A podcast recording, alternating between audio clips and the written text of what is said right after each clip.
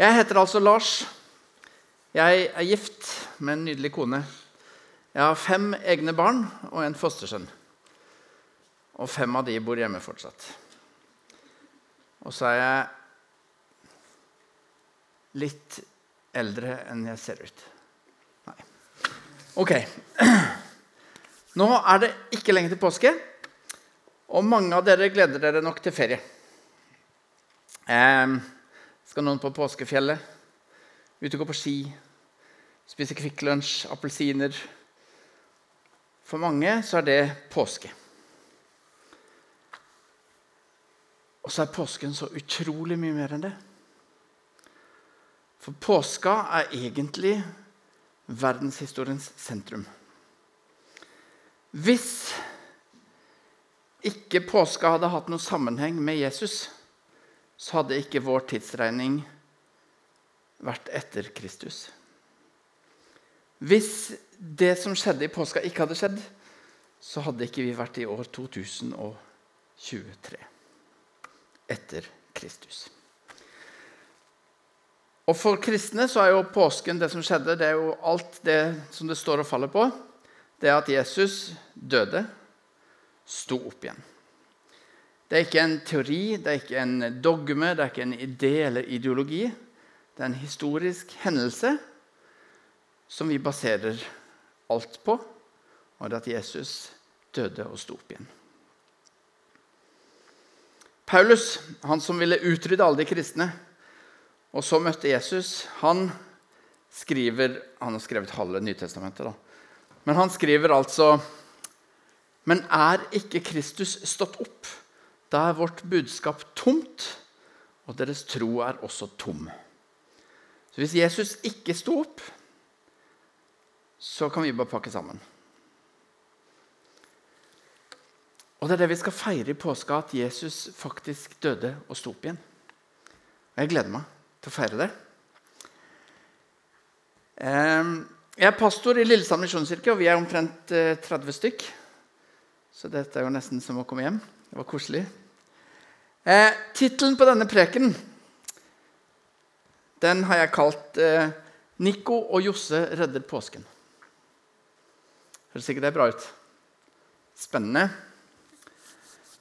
Eh, jeg skal gi dere fortellingen om Nico og Josse, som er de usynlige heltene i påskefortellingen. Har dere ikke hørt om Nico og Josse? Vi skal komme tilbake igjen til de ganske snart. Jeg har nemlig tenkt å ta dere inn i bakgrunnsfortellingen til påskeevangeliet. Og så skal jeg trekke noen linjer helt tilbake igjen til Moses og israelsfolket. Selve påskehistorien den håper jeg dere har hørt. For omtrentlig 2000 år siden så var det noen kvinner som gikk søndag morgen til graven og skulle stelle Jesus. De hadde med seg salver og oljer fordi de som hadde gravlagt Jesus på fredagen, de var tross alt menn. Så de kom for å sørge for at den jobben var ordentlig gjort. Og når de kommer til graven, så forventa de å finne Jesus der. For han var jo død. Og døde folk de blir i gravene sine. Men han var ikke der. Og så kan vi lese om at Jesus viste seg for over 500 mennesker i løpet av en litt lang uke etterpå. Og eh, han gikk med dem, han spiste med dem, han lagde mat til dem. Han snakka med dem, og så ble han tatt opp til himmelen. Han var levende. Og det er selve påskehistorien. Eh, bakgrunnshistorien er kanskje ikke fullt så kjent for alle dere. Den handler om Nico og Josse. Og takket være disse to mennene så er det millioner av kristne, generasjoner på generasjoner, som har fått den bekreftelsen de trengte for å hvile troen sin på det som skjedde. De har fått den bekreftelsen på at Jesus faktisk døde og faktisk sto opp igjen. Uten Nico og Josse så ville hele historien sett annerledes ut. Eh, og Det skal vi også se litt på. Uten disse to så ville Jesus ha stoppet opp fra en søppeldynge, en massegrav i Gehennadalen. Ordet Gehenna i Det nye testamentet blir oversatt med helvete. Så det er der Vår forestilling om helvete den kommer ifra Gehennadalen, denne søppeldynga. Det var et forferdelig sted. Det var søppel, det var råtnende lik, det var rotter, det stinka. Det var forferdelig. Og Det som skjedde når noen ble kors, korsfesta, det var at eh, dette var jo en forferdelig avstraffingsmetode. Det var helt grusomt. Og det skulle være en sånn avskrekkelse for folk, så ikke de skulle gjøre noe galt. Romerne brukte det i veldig kort tid fordi det til slutt ble også for barbarisk for dem. Når noen ble korsfesta, så ble de hengende på korset noen dager, sånn at de skulle begynne forråtnelsen. Og så ble de plukka ned fra korset, lagt på ei kjerre, trilla til Gehenna og kasta på dynga. Ingen fikk lov til å begrave de døde, og ingen fikk lov til å sørge over dem, for det skulle være som om de aldri hadde eksistert. Og det var romernes budskap du kødder ikke med romerne.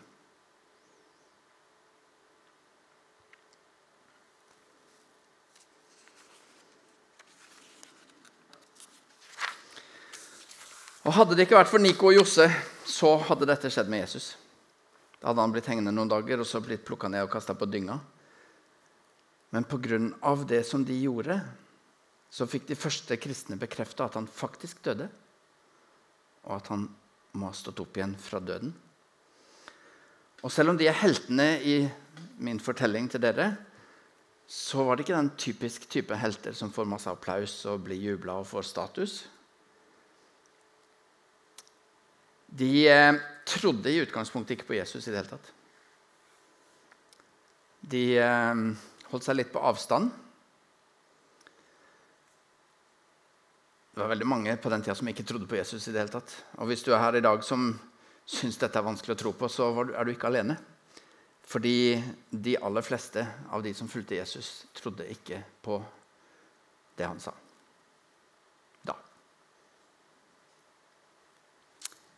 Ingen som trodde det. Hvis de hadde trodd på det, så hadde de stilt opp utafor graven på morgenen på søndag. Og så hadde de sett på klokka.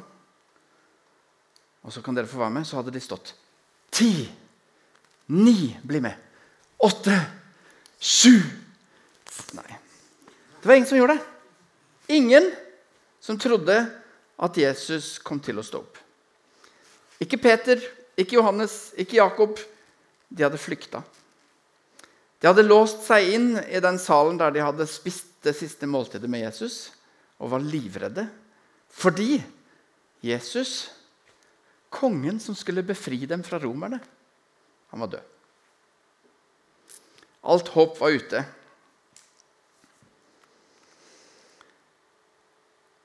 Og Selv heltene våre i denne historien, Nico og Josse, de tenkte at det var slutten da Jesus hadde lagt, blitt lagt i graven. Ok. Historien om Nico og Josse den begynner like etter at Jesus hadde begynt å gå rundt og undervise og gjøre mange tegn og under. De ehm, ja, Dere har sikkert hørt om fariseerne. Fariseerne var da en gruppe religiøse ledere som bestemte alle lovene om hvordan folk skulle oppføre seg, og hva de fikk lov til og ikke fikk lov til. Og Jobben til fariseerne det var å være gode. Og de var best. De var de godeste menneskene på jorda. Var ingen andre som var så gode som de var. Det var jobben. Og de regnet seg selv som så gode at de var nærmest Gud. Så det de bestemte, det var lov. Og hvis noen brøt budene til fariseerne, det, det var ikke greit. Og så kom Jesus, og fariseerne likte ikke Jesus fordi det var så mange som likte Jesus. Og han gjorde ikke sånn som de sa. Folk var dritlei av å prøve å leve opp til de strenge reglene som fariseerne hadde lagd, så de likte Jesus fordi han gjorde så mye som ikke fariseerne likte. Og så var det noen få av disse fariseerne som tenkte at kanskje, kanskje, muligens kan denne mannen kanskje være fra Gud. Kanskje. men bare kanskje. Og disse få fariseerne snakka sammen om det og håpet at de andre fariseerne ikke skulle høre dem. Og to av disse fariseerne, det er våre helter. Han ene het Nikodemus, og han andre heter Josef. Det var flere også, men det er bare disse to vi får høre navnene til. Og En ettermiddag så var de sammen, så kanskje de prata litt sånn Ja, det kan jo være at det er noe i det der Jesus-greiene. Um, vi skjønner jo ikke alltid han snakker om. Han sier veldig mye rart. Men eh, kanskje vi skal gå og spørre han, stille han noen spørsmål? Kanskje vi skal prøve å få han til å forklare litt? Altså, Vi vet jo at han kanskje muligens er fra Gud, men han bryter jo våre lover og regler og holder ikke sabbaten, og han gjør så mye rart. Men vi, vi går og stiller han noen spørsmål. Og så var det spesielt ett spørsmål som de eh, lurte på, som jeg tenker at ofte så tenker vi jo på det ene spørsmålet som de hadde. Um, mange av dere har sikkert stilt det noen ganger, og noen av dere kommer til å stille dere når dere blir gamle. For noen venter til de blir gamle med å ta imot Jesus. Kanskje vi har stilt oss det spørsmålet selv. Det spørsmålet skal dere få vite snart. Men nå skal vi gå tilbake til Nikodemus. De sender Nikodemus, de der få fariseerne.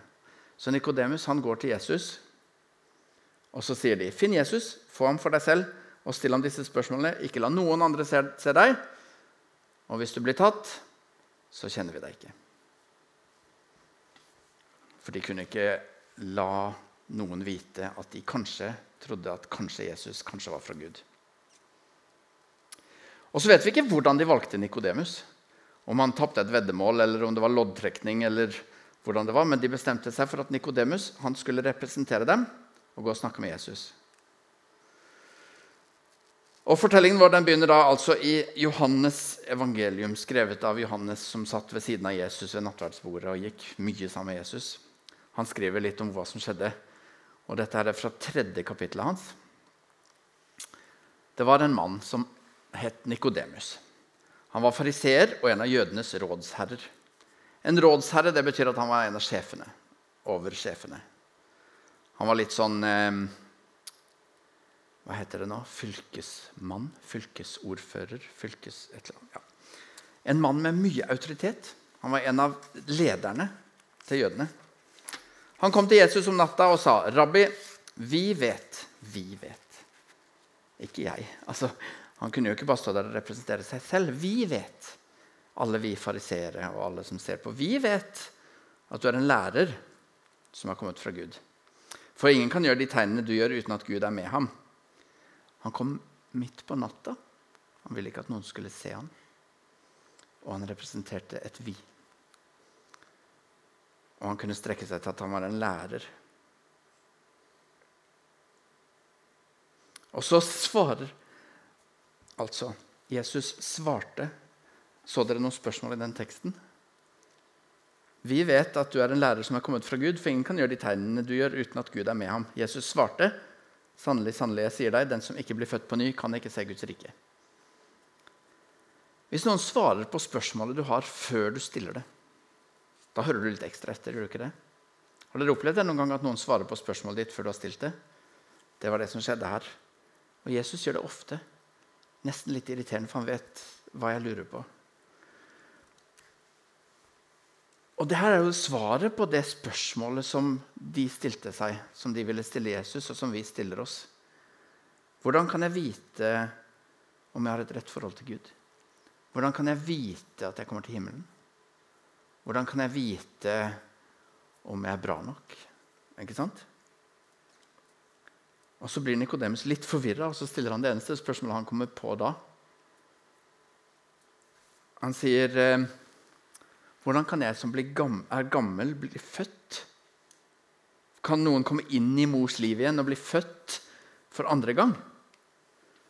Og Jesus svarte sannelig, sannelig, jeg sier deg, den som ikke blir født av vann og ånd, kan ikke komme inn i Guds rike. Det som er født av kjøtt, er kjøtt, men det som er født av ånd, er ånd. Og Det var litt vanskelig synes jeg, å forstå, men Gud er ånd. Og hvis du skal bli født inn i Guds rike, så må du bli født av ånd. Født på nytt.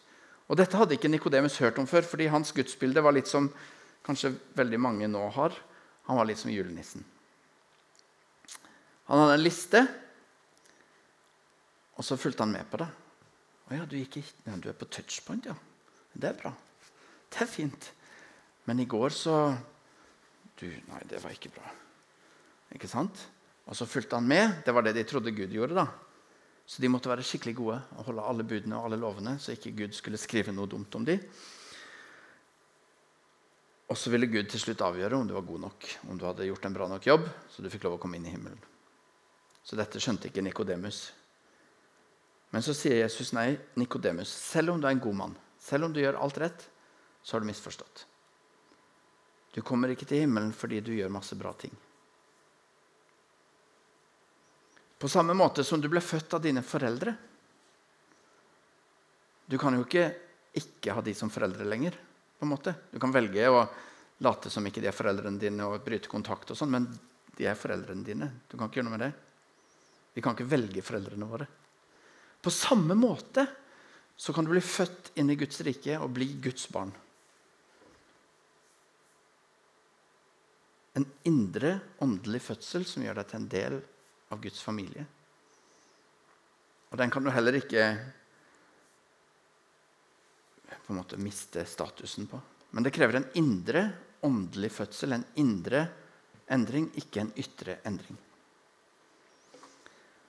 Og Nikodemus blir forvirra, så sier Jesus.: Undre deg ikke over at jeg sa til deg at dere må bli født på ny.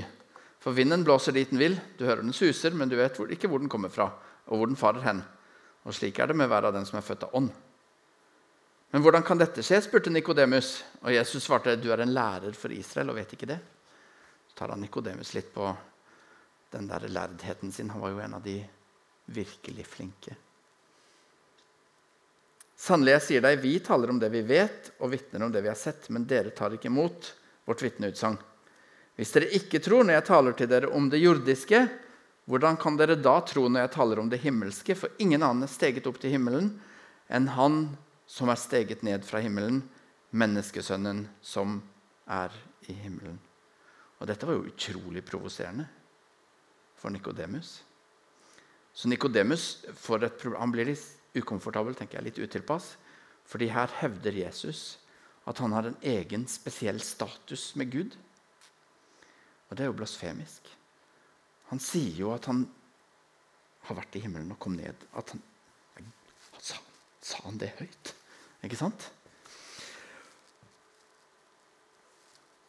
Og før han får tenkt noe særlig mer, så fortsetter han. Og slik Moses løftet opp slangen i ørkenen Da skal jeg stoppe opp litt. Nikodemus skjønte med en gang, han husker den historien. Han kunne hele Skriften på rams utenat, for det hadde de lært på skolen. Så han visste akkurat hva Jesus sa. Men den slangen i ørkenen, hvis dere ikke husker det, så skal jeg ta den kjapt igjennom. Da Israels folk hadde kommet ut av Egypt, så var de ofte litt sånn klagete og hadde, var litt sånn ja, Så sa de på et tidspunkt Jesus, nei, Moses, hvorfor har Gud ført oss ut i ørkenen for å dø? Kunne vi ikke heller bare dø i Egypt? Og Så blir Gud irritert på dem igjen, og så kommer det masse slanger inn i leiren. Og Så løper de til Moses og sier yeah, det er slanger i leiren. Og så spør Moses Gud hva skal vi gjøre. Så sier Gud ta en eh, stang, lag en kobberslange Heng den på toppen av den stanga. Og alle som blir bitt, må se på den slangen, og da skal de bli friske. Og alle som så på den slangen når de ble bitt, de ble friske. Og dette visste Nikodemus. Og så står det sant, Lag deg en serafslange og sett på en stang. En merkelig greie, men når du blir bitt av en slange og holder på å dø, så har du ikke noe valg. Da ser du på den. ikke sant? For det er det du har fått vite at det kan redde deg. Nikodemus kjente denne historien, så fortsetter, Jesus fortsetter. Og slik Moses løftet opp slangen i ørkenen, slik må menneskesønnen bli løftet opp. For at hver den som tror på ham, skal ha evig liv. De som tror på ham. Ikke de som oppfører seg bra nok og har nok kryss i boka til at de får lov til å komme til himmelen, men de som tror på ham. Å tro det betyr egentlig å sette eller legge hele sin tyngde i. Når jeg setter meg på en stol, så tror jeg på den stolen. Skjønner dere? Å tro på Jesus det handler om å legge hele livet sitt hos Jesus. Og stole på at det holder. Og vær den som tror på Jesus. Du kan ikke gjøre deg fortjent til å komme til himmelen. Det er ingen mennesker i hele verden som er gode nok til å gjøre seg fortjent til å komme til himmelen. Ingen av oss fortjener det. Selv ikke jeg som er pastor. Ikke sant? Ingen av oss. Det er ikke de som har alt på stell. Etter dette så kommer Johannes 3, 16, for så høyt har Gud elsket verden at han ga. Og Dere må gjerne lese resten av denne samtalen på egen hånd fra Johannes 3, 16 og utover. Nikodemus går tilbake til vennene sine. Han er veldig forvirra. Han prøver så godt han kan å forklare hva Jesus har sagt. Og så følger de Jesus på avstand. Fordi at de kan ikke De kan jo ikke vise at de er litt interessert. For det er jo skummelt.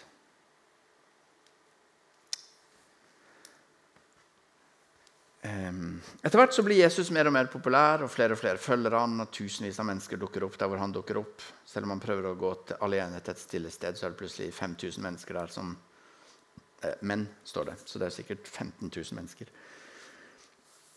Og De skriftlærde og fariseerne blir kjempemisunnelige. Og så blir de mer og mer sinte på Jesus og begynner å bli redde for sin egen posisjon, for de er jo lederne. Eh, ja. Og så er det et eh, sted hvor det er en diskusjon om de skal arrestere Jesus eller ikke. Og Nikodemus prøver forsiktig å si at det kan jo være at det hadde vært lurt å høre hva han sa før vi arresterte ham og hev ham i fengsel. Og alt det der.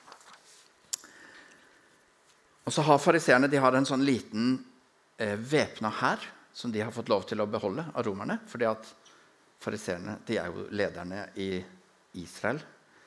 Og de har en liten sånn tempelvaktene, det er en sånn liten hær som de har til disposisjon.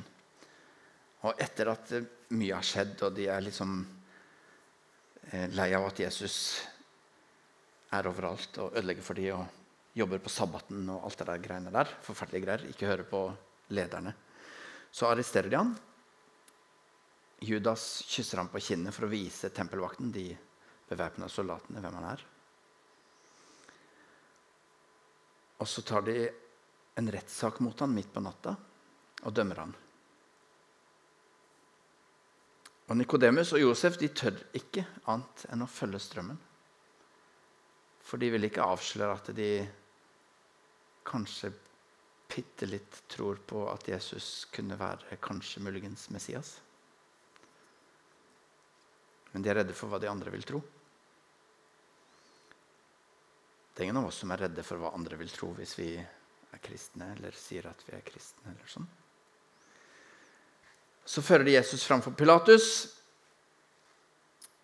Og Pilatus han er så redd for at det skal bli mye uro og opprør iblant disse her, så han bare gjør det fariseerne vil. Og så er han redd for at han skal få problemer med Roma hvis det blir uro. så han, ja. Vær så god, dere får Jesus. Vi kan bytte han ut, men det ville ikke de.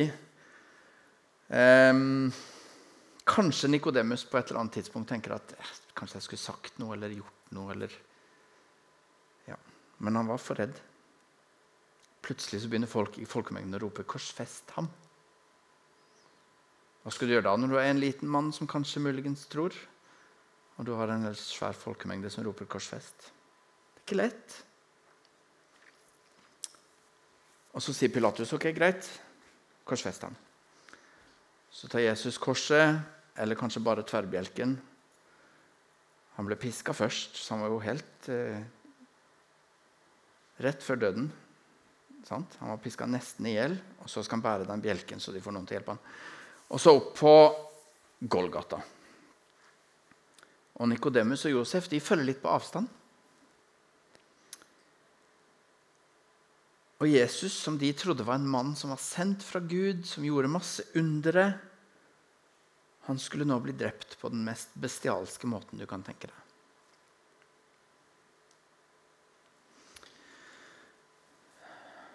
Når de kommer opp på Golgata, så blir Jesus lagt ned. Han blir festa til korset mens det ligger nede. Nikodemus og Josef kan høre hammerslagene fra når de fester naglene i føttene og hendene hans. Og Mange av disiplene de hadde flykta. De var ikke der. Men Nikodemus og Josef de står bak i folkemengden og prøver å få med seg det som skjer.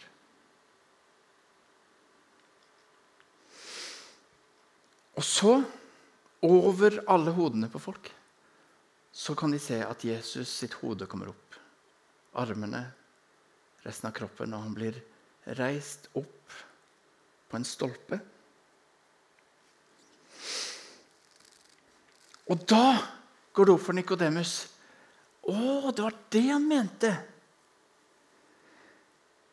Det var dette han snakka om da han sa at på samme måte som slangen ble heist, reist opp i ørkenen, så må menneskesønnen bli løftet opp. Og Plutselig så falt alle brikkene på plass for Nikodemus. Han var jo en lærd mann. Han hadde kunnet Skriftene utenat. Han hadde jo lest alle Messias-profetiene og kunne de utenat. Og han kom på den profetien som du leste innledningsvis fra Jesaja 53. At han skulle bli såret for våre overtredelser. Knust for våre misgjerninger. Og straffen lå på ham for at vi skulle ha fred. Ved hans sår har vi fått legedom. Vi for alle vill som sauer og vendte oss hver sin vei, men skylden som vi alle hadde, lot Herren ramme ham. Og mens mange hadde flykta, så sto Nikodemus og Josef og noen andre, også farisere, og innså at Jesus var menneskesønnen, Messias. Men nå var det litt for seint. For nå døde han på et kors. Og hva skal vi gjøre da? Vi har drept Messias. Og Da kunne de ikke lenger bare stå og se på, så de gjorde noe av det frekkeste som var tenkelig. De gikk altså til Pilatus. Etter at en soldat hadde stukket Jesus i sida og liksom bevist at nå er han død, så gikk de til Pilatus. Og det gjorde man bare ikke. altså. Hvis noen ville veldig, veldig gjerne begrave en av sine døde som hang på et kors. Så venta de til de ble tatt ned av korset, og så hooka de tak i han som trilla kjerra, og så betalte de han masse penger og sneik kroppen av gårde et eller annet sted og fikk begravd. Men det gikk ikke til Pilatus. De risikerte livene sine, Nikodemus og Josef, ved å gå til Pilatus og be om å få Jesus for å gravlegge han.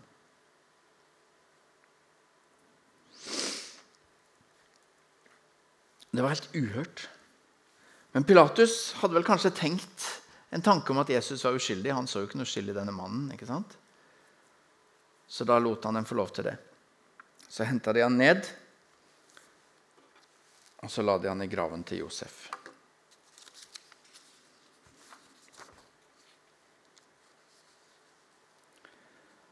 Josef ba Pilatus om tillatelse til å ta ned Jesu legeme. Josef var disippel av Jesus, men i hemmelighet fordi han var redd for jødene. Og Pilatus ga ham lov, og han kom og tok legemet ned. Også Nikodemus var der, han som kom til Jesus om natta. Og Da de la Jesus i graven, så svøpte de ham på tradisjonelt vis. Og den prosessen krever at du sørger for at den personen du skal legge inn i denne graven, er død først. Du sjekker det grundig. Fordi at Hvis ikke du sjekker det, og så svøper denne døde personen i dette, hvis han da ikke var død, så ville han dø av det. Så de sjekka grundig at Jesus var død, før de pakka han inn og la han i graven.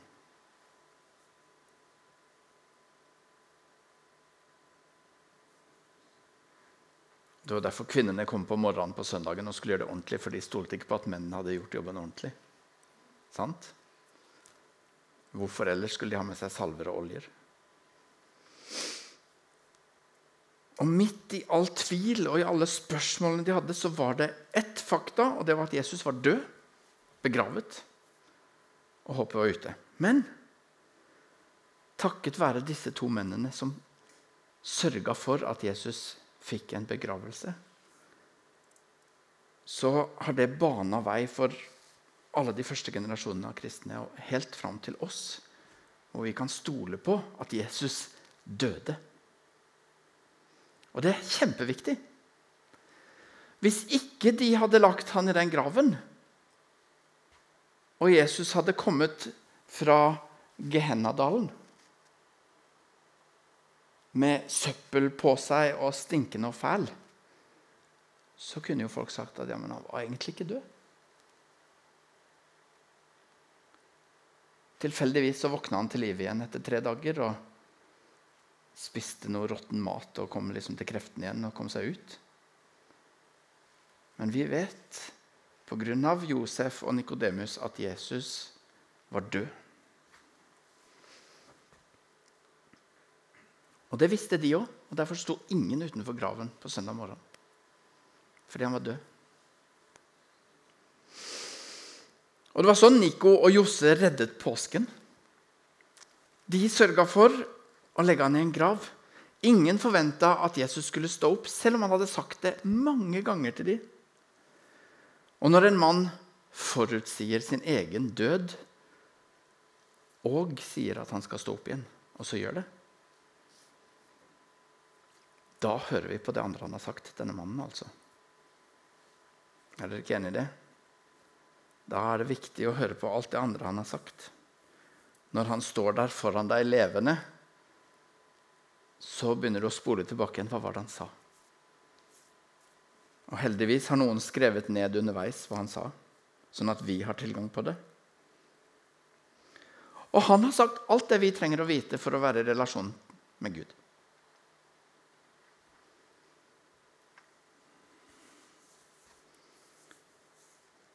Vi kan være i relasjon med Han som har skapt deg og meg, og som ønsker det beste for deg og meg.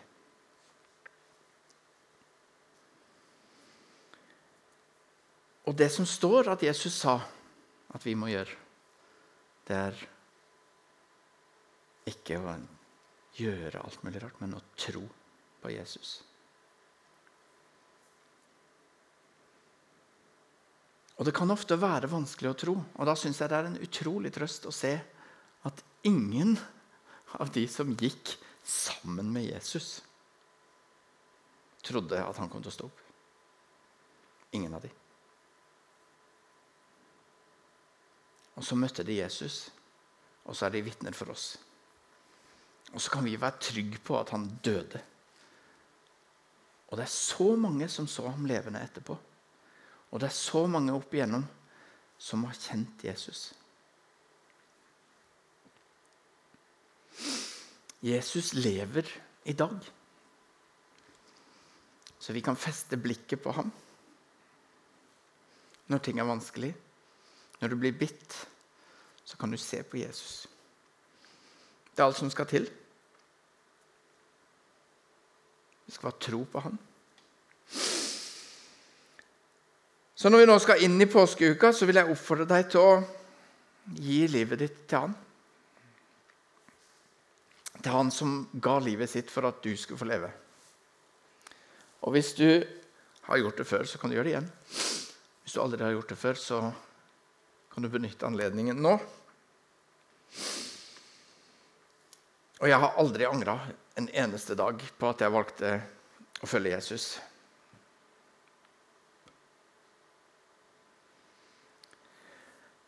Og ikke gå glipp av livet sammen med Jesus. Ikke vent til du blir gammel. Ta imot Jesus nå. Fordi livet med Jesus er best. Jeg har prøvd begge deler.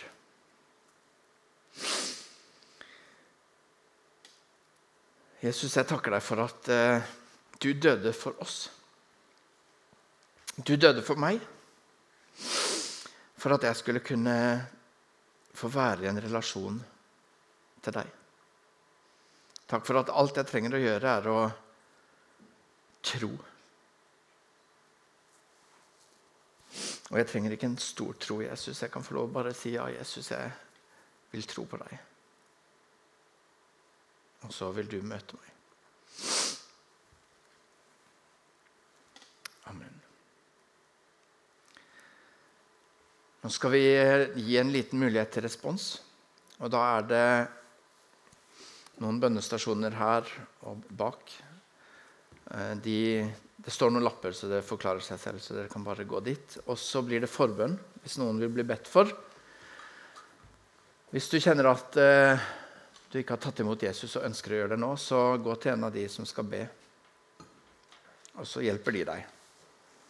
Og så kan det være litt skummelt, men eh, det er egentlig ikke det. Fordi Jesus, han elsker deg.